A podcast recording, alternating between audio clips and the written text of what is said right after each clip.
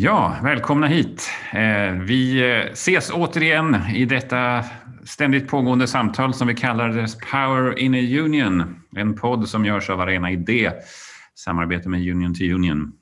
Vi har pratat om en rad olika länder och frågor under de här avsnitten som har varit hittills.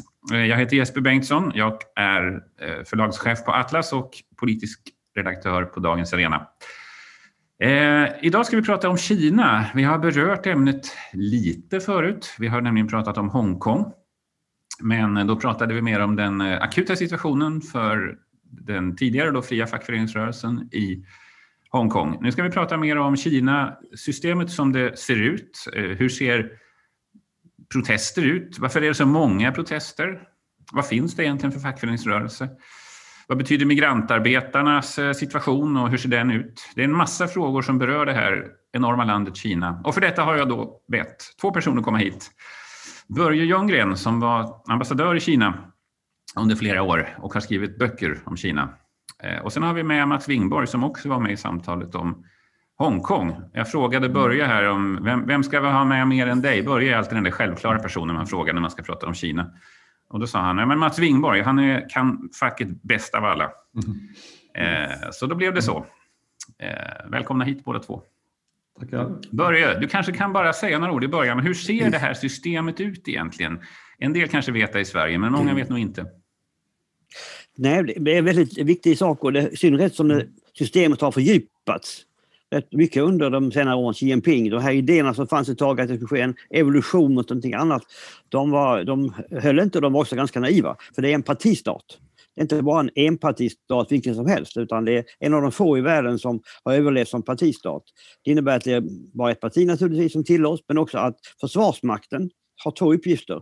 Försvara landet och försvara partiet och att även rättsväsendet är underordnat. Det, det, ytterst är det partiet som, som, eh, som dominerar och styr det också. Va?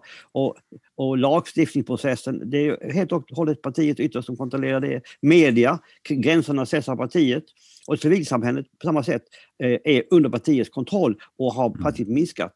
Och det här förstärktes också det här, eh, när, när Sovjetunionen kollapsade. Så sa, mm. mm. så sa de i Kina som sa Xi Jinping. Hur kunde det ske? Hur kunde de tillåta det ske? De hade försvarsmakten på sin sida. Det var ju deras... Det ska aldrig ske här, sa de. Det ska aldrig ske i Kina. Och faktum är att den länken har förstärkts mellan parti och PLA, så att säga. Så det, mm. det kan man säga i systemet. I ett mycket, mycket dynamiskt samhälle, det som är intressant och märkliga, och världens största ekonomi redan idag i köpkraft och snart också i nominell mening. Va? Mm. Eh, och Mats, eh, facket i Kina, vad är det för någonting? Ja, det finns ju bara en tillåten fackförening, All China Federation of Trade Unions, och eh, den, den stämmer in väldigt bra på Börjes beskrivning, för den är ju, syftet är ju att stödja kommunistpartiet. Eller om man tittar i stadgan väldigt noga så är syftet att vara en bro mellan kommunistpartiet och folket.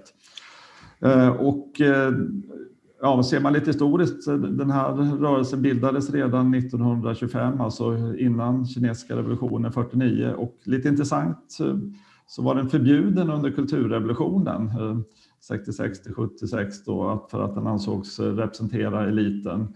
Alltså hela eh, fackföreningsrörelsen?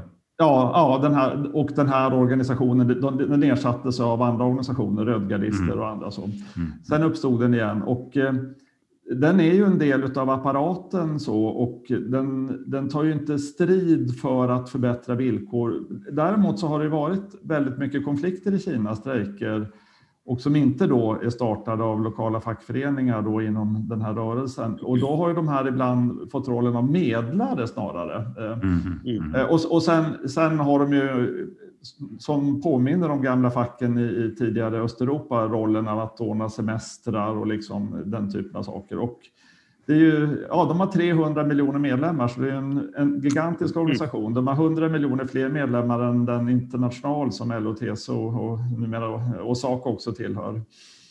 300 miljoner människor var senast jag kollade ganska mycket människor, helt sant. eh, men det här med... En miljon anställda. En miljon ja. anställda. Mm. Teknokrater. Mm. Eh, men det här med strejker tycker jag är intressant. Jag var i Kina själv för 15 år sedan ungefär och eh, då pratade många om det här stora antalet strejker. Då tror jag man pratade om 60 000 strejker på ett år. Hur vågar folk strejka egentligen i ett sånt här system? Alltså det, det, det, stora som hände här, det var ju Deng Xiaoping som hade rodret en tid efter att Mao Zedong dog och lade om den ekonomiska politiken, och öppnade för omvärlden. Och det som blev ett liksom, experimentfält för det här, det var ju Guangdong-provinsen i syd och runt Pärlflodens delta och där också Hongkong ligger som en enklav där. Och vad som hände där var ju helt enkelt att det blev en enorm överhettning. Det var enormt mycket industrier som tillverkade skor, kläder, elektronik. Och det här ledde ju till en väldigt bra förhandlingsposition också för de anställda. Det var enorma strejker, det kunde vara 40 000 åt gången som strejkade på de här jättestora fabrikerna. Och det gick liksom inte att sparka de här för att då skulle de här industrierna stå stilla helt enkelt. Lite paradoxalt så var det att där det var som mest strejker, det var ju också i de områden i Kina där lönerna faktiskt var högst. Mm. Eh, och, och det här satte ju en press på regeringen. Men vad som sen har hänt under senare tid, det är ju att det har svagnat lite i det här området och, och många företag har flyttat till inlandet och en del har flyttat till Vietnam. Foxconn som tillverkade mycket åt Apple har flyttat till Henan-provinsen i inlandet och så. Mm. Så att nu är det inte lika lätt att strejka där, så att strejkvågen där har liksom kulminerat och minskat och istället ser vi lite mer spridda strejker mm. Av lite andra skäl. Det vanligaste skälet nu till strejker är att man inte får ut sin lön. Tidigare mm. krävde man högre lön i, i Guangdong-provinsen. Mm. Men eh, jag tänker i och för sig att det ganska ofta, ja, även historiskt, har varit så att det är ju sedan de allra fattigaste som vare sig organiserar sig eller går till strejk. Så det kanske egentligen är ganska typiskt för... Nej, nej men det, det, det, skapar ju en facklig styrka om det är brist på arbetskraft helt enkelt. Mm, då, då, har man ett väldigt bra förhandlingsläge. Så att det, det, är precis som du säger, det är väldigt klassiskt så. Men man kan tycka att det är lite paradoxalt ändå att att där lönerna och villkoren ändå var mm. bäst, där var också... Sen var ju villkoren var inte bra på alla sätt, för det var en enorm övertid där. Eh, ja. Det var, så att många tvingades ju jobba liksom dygnet runt och, och, det var arbetare som tog sina liv för att de var så sönderstressade och så. Mm. Men just lönemässigt låg de bra till. Mm. mm. Är det så att, eh, att just eh, övertid, där har varit mycket protester, men att det också har blivit lite mer reglerat att just övertids, eh, lagstiftningen där? Ja, nej, men vad som hände var ju faktiskt att eh, det blev en ganska hård press mot regeringen under den här perioden och 2012 mm. så kom det ju en rad arbetsmarknadsreformer i Kina mm. som faktiskt innebär, innebar förbättringar. Och det var ju reglering av övertid, det var att man skulle ha kontrakt om man var anställd och det var höjning av minimilönerna. Mm. Och det var ju definitivt den här strejkvågen i, runt Pärlflodens delta som drev på det här. Mm. Eh, så att, och då fanns det lite optimism och så och eh, man sa att det skulle vara inte förhandlingar med lokala fackarbetsgivare men någon form av överläggningar och sånt. Men sen mm. har det blivit bakslag och mm. Mm. Efter Xi Jinpings övertagande 2012 och 2015 kan man säga ett, liksom ett brott då det har blivit mer, blev mer repressivt. Mm. Eh, Börje, hur tolkar du det här att folk ändå vågar protestera? Jag, jag, skulle kunna tänka mig att i ändå många diktaturer så skulle det bli ganska stora repressalier då. Jo, jo. Eh, jag tror att det är ju färre vilda strejker nu va? och det är ju mer kontrollerat. Det gäller alla mm. dimensioner egentligen. Mm. Eh, och, och det Xi Jinping driver ju en linje som, som bygger på något slags harmonibegrepp under partiets mm. fasta ledning. Va? Och det är, det är, det, jag tror att det är viktigt att det, det, är, nästan, det är nästan opatriotiskt i partiets definition av patriotism att, att protestera och så vidare. Va? Sen samtidigt så är medvetandet mycket större. Och, eh, vi kommer kanske in sen på migrantarbetaren som är närmare 300 mm. miljoner. Det är inte längre, det var ju bondkillar som kom i början. Va? Det är inte mm. alls längre. Va? Så de har också en helt annan medvetenhet. Så det finns ju en, en, ett tryck. Va? Men så har ju mm. då löneutveckling varit väldigt eh, betydande. Va? Kina har ju, Kinas ekonomi har ju vuxit kolossalt. Va? Eh, och det är klart att de har fått del av det ju, eh, trots allt. Så det är klart att det har varit en återhållande eh, faktor. Va? Mm. Men, man, men jag tror att det, att det, finns en, en, en, eh, under ytan så tror jag det finns en diskussion mycket öppnare, medvetnare med, med, på en arbetsplats och så vidare. Va? Men samtidigt så är ju då är ju, eh, företaget, eh, även, även om det är privata företag ofta idag, till utländska företag, så vet de ju att, att, eh, att, eh, eh, att medie öppna upp så att säga, bortom de här gränserna som är satta, det, det drabbar dem också. Va? Mm. En, en väldigt stor del av minskningen av fattigdom i världen, som var i alla fall innan pandemin, ja. kommer ju sig av att det finns ja. färre fattiga i Kina idag. Det är ju en, ett statistiskt ja, faktum, så att säga. Ja, nej, men det är enormt många som, som har lyft för fattigdom och medellivslängden är ju högre än i Rumänien och Ungern idag, 76 år. Mm. Mm. men, men hur funkar det här migrantsystemet då? För det tycker jag är intressant och det var en sak som jag själv förstod först när jag reste dit och jag träffade en del av de här migrantarbetarna. Men, alltså folk kommer ifrån eh, inlandet och liksom landets västra delar, kommer ut i de här stora industriområdena. Men mm, mm. ja, det, finns ett, det, det, är ju ett särskilt system. Hur, hur ska man beskriva det? det, det I folkbokföringen, Hauko-systemet, och det innebär helt enkelt att att om man flyttar eh, så är det väldigt svårt att bli skriven i den nya ort man kommer till. Och, mm. och det är inte bara industri, det är industriarbetare men det är också byggnadsarbetare som har liksom byggt, de stora, byggt om de stora städerna. Så. Och då har man helt enkelt inte samma rätt till välfärd där man bor och det kan vara svårt att få, ja, precis, få barnen att gå i mm. skolan och så. Eh, och det här är liksom en lång tradition som finns i Kina, att eh, en diskriminering av landsbygdsbefolkningen helt enkelt. Och här är ju det liksom satt i system. Alltså det, eh, drar man det riktigt hårt kan man säga att det är nästan som ett apartheidsystem här. Här har man människor som lever och verkar och som har väldigt olika rättigheter då i systemet. Så det är en, en, en enorm diskriminering av de här grupperna. Och den är fortfarande, för det, det var mycket, man pratade ju mycket om det redan då. Börje, vad säger du? Ja, det är för 300 miljoner. Va? Men det är mm. olika kategorier. Man delar in det i de som är, är, det, det är fort man har lämnat sin egen eh, kommun så att säga, där man är skriven. Så det, så det där chokosystemet. Va? Det är väldigt svårt att, eh, att, eh, att skriven där man faktiskt jobbar. Men, mm. men, det, har, men det är framförallt för de som jobbar i, i långt borta i storstäderna. Va? Mm. De stora mm. städerna de, vill, de är mycket obenägna att, att registrera migrantarbetarna och ge dem alla rättigheter. Så de, om de finns med sin familj så kämpar de gäller skolor. lite bättre tror jag. Men det innebär också att kanske 60 miljoner barn eh, finns där hemma så att säga, mm. med, med mm. morföräldrar, farföräldrar och möjligen en förälder. Va? Och det där är en väldigt stor påfrestning tror jag. Det, och det är bara ett barn ofta. Och det här enda barnet ska då prestera och det är den mobiltelefonen där föräldrarna kontrollerar, har du gjort det och det och det och det? Tänk på att vi har satsat på det nu och du är vårt stora projekt. Så, säga. så mm. det är en ganska påfrestande eh, slags liv som, som, och nu finns det en tendens en del migrantarbetare efter, efter pandemin som inte återvänder. De, ja, på samma sätt som vi ser i världen i stort så finns det en benägenhet att tänka om lite när nu pandemin har drabbat. Men det har varit en otrolig urbanisering i Kina. Man brukar säga att hälften av urbaniseringen i hela världen under de senaste ja, decennierna ja, varit bara i Kina. Ja, men jag var ju i Shenzhen, den här stora industristaden i Guangdong-provinsen för ett antal år sedan intervjuade industriarbetare. Och det som var väldigt slående där, det är att den här identiteten med den provins man kommer ifrån är väldigt stark. Och det är ofta egna dialekter och så. Ja. Jag tänkte liksom på nästan akademiska nationer, så. de hade sina klubbar där för de från Hunnan och Hellan-provinsen och så vidare. Mm. Mm. Eh, och det var, det var ju liksom mera kulturella sammanslutningar, men var det någonstans som kunde få liksom stöd och hjälp så var det ofta mm. från de här sammanslutningarna. Mm. Jag tänkte ju mycket på det här med barnens situation när jag intervjuade migrantarbetare själv där för 15 år sedan. För de hade ju då lämnat sina mm. barn.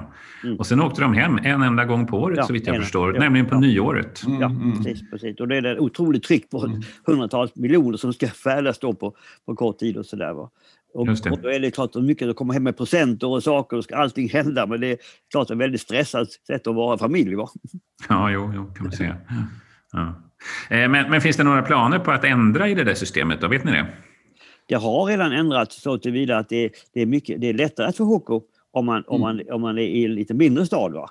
Men mm. eh, medan till exempel Peking, de är väldigt tuffa. De vill, de vill minska faktiskt folkmängden. De har drivit ut folk utanför stadsgränserna och så där. Va? Så de vill inte ha, de vill inte ha eh, spontan urbanisering så att säga. Så att mm. det, det, finns en skala här va, tror jag. Massvet med... Nej men absolut, det, det är li, lite grann som med arbetsmarknaden där. Att det, har varit, det har varit jättestora protester och internationellt tryck. Så det har varit vissa reformeringar. Men mm. det är också hur de här reglerna tolkas varierar då lite grann mellan olika städer och provinser som de kommer till, de här mm. migrantarbetarna. Mm. Nu verkar ju de senaste signalerna också från eh, Xi Jinping och Peking vara att man vill liksom komma åt de stora ojämlikheterna som har uppstått i, i eh, ja, den stora tillväxt man har haft under de sista 30 åren. Hur funkar det där, Börje? Ja, ja, det är intressant. Alltså, redan i, i, fjol, i fjol eh, så, på, så hände det att sånt som, Ali, eh, som Alibabas eh, Jack Ma, alltså han har förmögenhet på mycket mer än 50 miljarder dollar, att han plötsligt eh, han gick ut och kritiserade partiet. Och sa att, eh, han sa att skatteväsendet, eller förlåt, finanssektorn fungerade illa. Det var, han, mm. han sa att den var eh, verkligen stökig och sådär. Och då hade han gått för långt. Då. Och då blev det så att han försvann under några månader, men inte så att han blev fängslad, men han var tyst några månader och var inte tillgänglig. Men, men eh, det var i början till att man gick åt de här high-tech eh, mm. företag. De är de mest framgångsrika som Kina har och tillväxtgenererade är de verkligen också. Va? Men sen har det vuxit fram en politik som jag tror kommer att vara väldigt viktig vid nästa års partikongress och för Xi Jinping för att han ska bli vald en tredje period. Det är common prosperity. Och då får man tillbaka till när, när, när Deng Xiaoping eh, kom till makten då efter Mao. Då, då, då sa han ju att, att några måste bli rika först måste acceptera det här. Nu ska vi släppa in, vi ska öppna upp fönster, vi ska släppa in eh, kunnande från Hongkong och utifrån och, så vidare. Att komma ikapp, mm. sa han. Och sen mm. sa han också att, att en, en katt kan se ut eh, vilken färg som helst, bara den fångar råttor. Mm. Men, men Xi Jinping har, nu vill ha ett mycket fastare grepp. Va? Och, och, och, och då är klart att det här med common prosperity, det tror jag kan låta rätt så bra för om man är, om man är migrantarbetare eller något liknande. Va? Så att det, där, det är klart att men det, det bedrivs på ett sätt som är typiskt för en partistat, inte för en mm. rättsstat. Mm. Och vad som också har skett är ju att det är väldigt stark medvetenhet om hur människor har i andra delar av landet. Bor man på landsbygden så är det nästan alltid någon i familjen som är migrantarbetare och jobbar i, i Shanghai eller någon annanstans. Och sen har vi eh, tv-apparater som har spritts överallt. Så att fattiga människor i Kina är ju medvetna om lyxen som finns i andra ändan av skalan. Så. Och, och som jag nämnde, de, de, en vanlig typ av protest idag det är ju liksom en desperation, man får inte ut sin lön. Det är liksom en, jämfört med när ekonomin gick som bäst så hackar det lite mer. Och den andra typen av protest som är väldigt vanlig är ju när man ska bygga industrier och bara kör bort bönder mm. som förlorar sin mark. Och mm. Det var väldigt, väldigt upprörda känslor. Och oh ja. här är man ju liksom, ja, man, man, är medveten om det här från regeringen och liksom för, försöker. Ja, det man är särskilt rädd för är ju att det liksom inte små enstaka protester, men att det ska liksom bli nätverk av protester, liksom organiserat, att de ska ha kontakt med varandra. Det mm. är, liksom slår man ner till varje pris. Mm. Men man försöker ju liksom att uh, hålla ihop landet och tala om harmoni och så. så att det, uh, de här protesterna biter ändå. Men, men bilden tycker jag är lite dyster ändå här. Att mm. det var ett större utrymme tidigare att, att driva på ändå liksom inom oh systemet oh förbättringar. Och idag är det mm. liksom mm. mer repressivt istället. Mm. Jag undrar, och en fråga också till, till, till Mats, är att vi har, vi har också en demografisk bild som är, mm. är ganska, inte unik, för det finns ju 50 länder i världen där folkmängden nu minskar. Va? Mm. Men, mm. men, i Kina är den väldigt dramatisk. Kommer att gå från 1400 drygt till kanske 1100 år 2100. Och det är mm. till följd av ettbarnspolitiken. Den har mm. man ju nu övergett. Men, men, men folk vill inte ha fler barn, utan det föds bara 1,3 barn per kvinna. Och så Men det innebär också nu att labor supply, arbetskraftsutbudet, sjunker mm. hela tiden. Va? Mm, mm, det är klart mm. att det måste innebära också att lönekraven växer. Va? Mm, eh, mm. och, då, och då blir det en spänning av det slaget så att partiet får verkligen äta upp den här politiken va? som alltså, var så missriktad och, och gick så långt va? och innebar så mycket av tvång och steriliseringar och så vidare va? under så lång tid. Sen är det väldigt komplext för vad man också ser, det var ju liksom en enorm industrivåg då i den här nya ekonomiska politiken men det är en viss automatisering där och så idag, alltså det, den blir mer effektiv. Ja. Eh, och så att vad som också sker, som vi ser över hela världen, det är ju att servicesektorn växer väldigt snabbt och inte minst den här, den här typen av jobb när man ska leverera mat och Uber, taxiliknande system och så vidare. Mm. Så att det är plötsligt så är de här gigsektorn, den växer ju snabbare idag ja. än industrisektorn. Som ja. faktiskt, ja. Senaste siffrorna är faktiskt att det minskar en aning antalet industriarbetare. Ja, tror jag. Mm. Men, men det du sa början betyder alltså att eh, om befolkningen krymper från 1,4 miljarder till prognostiserat 1,1 miljarder, så är det ja, ja, ja. Då betyder det också att Indien kommer gå om Kina som världens folkrikaste land? Det är, mm. det är bergsäkert. Det ja. det kommer att ske i, i alla fall i din livstid. Eh, ja. men, men det, och så Säg är det. det. Eh, ja, och, det, och det intressanta är att, att partiet eh, lyckades mycket med, med, med att minska antalet födslar. Va? genom den mm. brutala politik som kom då. Framförallt mm. man, man kunde då kontrollera fostrets kön och så, för det är också mycket sådana saker i bilden, vad det föds fler mm. pojkar och flickor. Men, men idag när man vill få upp det då är man, står man lite maktlös. Mm. Demografi, eh, demografi är inte ett, ett redskap sådär som man lätt kan använda som, som partistat och som auktoritär stat heller. Va? Mm. Utan mm. människorna som i Shanghai, det, de har en enbarnskultur idag. Mm. För det är så dyrt va? med bostäder och allting. Båda vill arbeta, de har inte längre stöd av morföräldrar, farföräldrar och sådär. Så att det är en helt ny bild som är väldigt mm. intressant faktiskt. Men jag, vet, men jag vet också att man ibland har pratat om, eh, det kanske var tidigare då när ekonomin växte mer, men man har pratat mycket om att det kommer också migrantarbetare från länder runt omkring. Och det verkar ju också rimligt på ett sätt. Det är enorma gränser. Mongoliet, eh, kanske Indien, Myanmar definitivt. Eh, hur, kan ni något om den utvecklingen? Jag har sett en del av det, men jag tror att ett betydligt större fenomen är ju att det är kinesiska migrantarbetare i omvärlden. När de har samarbete med länder i Afrika och så vidare och ska bygga järnväg och så vidare så anlitar man ju inte lokal arbetskraft nej, utan, nej. eller väldigt liten utsträckning utan det kommer mängder med kinesisk arbetskraft och som jobbar en tid där Just det. Att, eh, det skulle jag säga, det är väl snarare ett, ett, det största fenomenet att mm. det är enormt många idag som arbetar i omvärlden. Så. Mm. mm. Det är över en miljon i Afrika. Ja. Just det. Mm. Eh, vi har då inga fria fackföreningar. De är en del av systemet. Eh, vi har samtidigt enorm produktion i Kina. Jättemånga västerländska svenska företag som tillverkar det mesta där egentligen. Har bara kvar sina huvudkontor i sina hemländer det ställer ju då den, vår del av fackföreningsrörelsen och den internationella fackföreningsrörelsen inför en del svårigheter gissar jag. Mm. Hur ser det där ut? Jag vet att det har funnits ibland tendenser till att man liksom närma sig de kinesiska fackföreningarna och ibland en rörelse i andra riktningen. Mm. Mm. Det, det, är ju komplext. Eh, att få ha fria fackföreningar, det är ju liksom en, en grundbult för fackföreningsrörelsen. Det är, i, i, I världen runt och historiskt har man försökt kväsa fackföreningar genom att arbetsgivare eller staten ska ta kontroll över dem. Eh, och, de, och därför släpps kinesiska fackföreningsrörelsen inte in i den här globala internationalen, ITUC, där LOT och Saco är medlem. Men sen är det så, precis som du säger, att eh, vi har massor med svenska företag på plats i Kina. Och då har vi ju IF Metall och Unionen som är väldigt måna om att villkoren inom ja, SKF eller vad det är för företag ska vara bra var än i världen som SKF har sin verksamhet. Det finns uppförandekoder ibland globala fackliga avtal. Mm. Och då följer de här fackliga representanterna med till Kina för att liksom besöka de svenska företagen. Och de enda som finns att träffa där, liksom, om man ska prata med företrädare för de anställda, det är ju det officiella facket. Mm. Och där finns det ju kontakter. Och, um, och, och, så här finns det liksom olika nyanser. Och, och, det handlar väldigt, kärnfrågan är väldigt mycket hur man ska förhålla sig till det officiella facket i Kina. Och det finns ju ingen som vill släppa in dem i de här i TUC exempelvis, det globala facket och alla, och alla vill ställa krav på fackliga rättigheter och så. Men där finns det liksom en skala från att man inte ska ha någon kontakt alls mm. till att man ändå måste ha en dialog med de här företagen.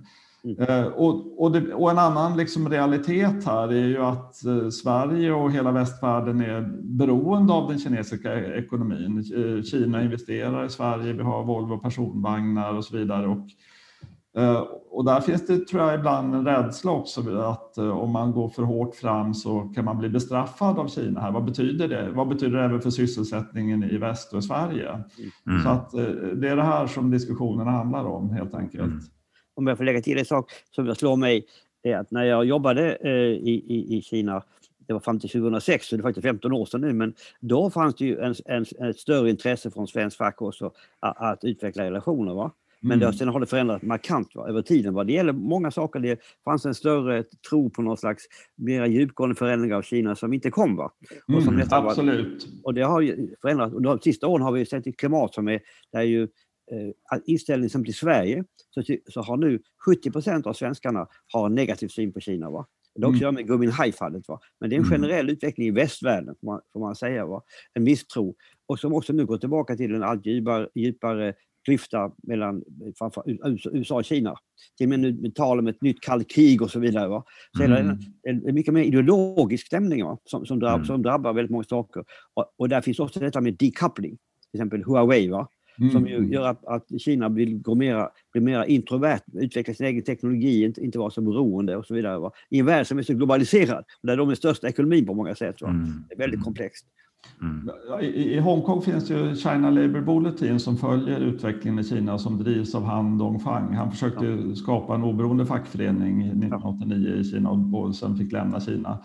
Men under den här perioden när, när Kina öppnade för reformer och så, så var ju han inriktad på att samarbeta med det officiella facket i Kina för att utbilda företrädare, att de mm. skulle kunna ha överläggningar med företagen, arbetsmarknadsutbildning och så vidare. Mm, mm. Så det, och det var liksom ett tecken på den här optimismen att man liksom inom systemet ändå kunde göra vissa saker. Och sen har det där liksom slagit sönder och runnit ut i sanden. Så. Det fanns ju också under en period ganska många arbetar-NGOs i Kina, alltså mm. ja, fram till 2015, det var då de här slogs ner. De fick inte kalla sig fackföreningar, men de kunde ge juridisk hjälp till arbetare och, och hjälpa arbetare som har blivit sjuka och så. Mm. Och det här tilläts då, men, men sen ändrade, skärptes politiken nu och de här, de fick stäng, flera blev fängslade och, och, alla de här kontoren fick stängas. När du, när du säger arbetare-NGO så då menar du alltså organisationer som bildades ja. som inte var fackföreningar men som ja, var ja, sammanslutningar? Liksom, ja. Ja, och det var inte, särskilt i södra Kina och där det var så överhettat och så. Det var ja, kontor med lite aktivister och som var, höll på med mänskliga rättigheter och juridisk hjälp och så. Men ja, de, mm. de var väldigt noga med att inte kalla sig fackföreningar även då. Mm. Men, mm. men det här tilläts ändå under en period. Så. Mm. Det här Han Dong-Fang som nämndes, eh, som var så en av de arbetare som var med och demonstrerade 1989 på Himmelska fridens torg och sen fängslades men sen till att eh, lämna landet för Hongkong. Va? Att följa hans utveckling och, att, och sätt att agera är väldigt intressant historia i sig själv. För han hade, jag träffade honom kanske, eller nu sju, åtta år sedan i Hongkong, då var han ganska inne på det här att han skulle engagera sig mera och få, få spela en större roll i Kina på något sätt. Mm. Och, och mm. ganska tyckte jag, något naiv i det till och med. Och nu tror jag att han har lämnat den också bakom sig, mm. för han har fått, det har sett att det där höll inte. Va? Mm. Ja, en intressant detalj här är också att i ILOs styrelse, alltså ILO är ju FN-organet som håller på med arbetsrättsfrågor, mm. så hade ju Norden en representant och eh, då vill, tryckte Kina på att, de skulle, att det kinesiska facket skulle få en, en facklig representant där. Och och 2012 så tyckte ju då eh, ledningen, Sverige stödde ju inte det, men ledningen inom ITUC, den international som eh, LOTS och Saco tillhör, att man borde släppa in Kina. Så så blev det. De släpptes in i styrelsen med ITUCs godkännande. Sverige var som sagt emot. Men, men det intressanta här är att Norden förlorade sin representant och ja, ja, ja. kinesiska officiella facket fick det istället i, i ILOs styrelse. Och är kvar? Ja, ja, och är kvar där. Ja, precis. Mm. Så att, och, och, och, kanske hade man sett på det här annorlunda idag. Det var ju under den här perioden när det liksom, man hoppades ändå på det här liksom tövädret lite grann. Mm. Mm. Man brukar prata om företagens ansvar här också, om man nu ska flytta fokus. Att det inte bara är fackföreningens ansvar. Men mm. det har ibland talats om att företagen ska kunna gå in och påverka systemen och så. Men Idag får jag en känsla av att eftersom att maktförhållandet har svängt, alltså att det är de svenska företagen som behöver Kina, inte Kina som behöver de svenska företagen, mm. så har det blivit svårare som strategi. Eller vad säger ni om det? Eh, absolut. Sen, sen, finns det ju uppförandekoder och så vidare. Alltså dels finns det ju svenska företag som har direkt egen verksamhet och sen det som är ännu större är att man anlitar kinesiska företag för att tillverka kläder och skor och elektronik och så vidare. Mm. H&M har ju enorm tillverkning i Kina som inte är på deras egna fabriker. Så. Mm. Men eh, det finns ju ändå möjlighet där att liksom påverka arbetsvillkor. Så, och där är det lite grann så att när det är väldigt högteknologisk produktion, när det är bilar och elektronik och så, ja, det kan vara enormt mycket övertid. Men själva produktionen, för att den ska vara effektiv så måste det vara hyfsat arbetsmiljö, annars går det inte att tillverka datorer och bilar idag. Men där är liksom varningslamporna blinkar väldigt mycket. Det är ju när man köper saker, ja, Jula och Rusta och Clas Ohlson, billighetsvarorna. Där vet mm. vi att, att miljön kan vara väldigt bedrövlig. Så. Mm. Och där går det ändå att göra och ställa krav på liksom uppföljande kontroller och så vidare. Det är fortfarande möjligt att göra det. Mm. Den svåraste frågan för omvärlden är Xinjiang. Mm, ja. med, med uigurerna och tvångsarbete. Va? Ja, ja. Och det har bland annat drabbat H&M. Va? Mm, det är mm. mycket, mycket, mycket stor bomullsproduktion i just Xinjiang som också mm. är en faktor. Va? Mm. Just det. Ja, det var ett fall där de sa att de inte skulle köpa bomull därifrån och plötsligt blev bojkottade i hela mm. Kina. Visst var det så? Det, det utlöstes av, av ungdomsförbundet i Kina som attackerade Hongkong och det var ju liksom uppenbart att det var dirigerat uppifrån. Så. Uh, och, och och H&M blev tvungna att stänga en massa butiker överallt i Kina för att de blev bojkottade. Så, så det fick ju, H&M har inte velat berätta exakt vad det har betytt ekonomiskt, men det var uppenbart kännbart så.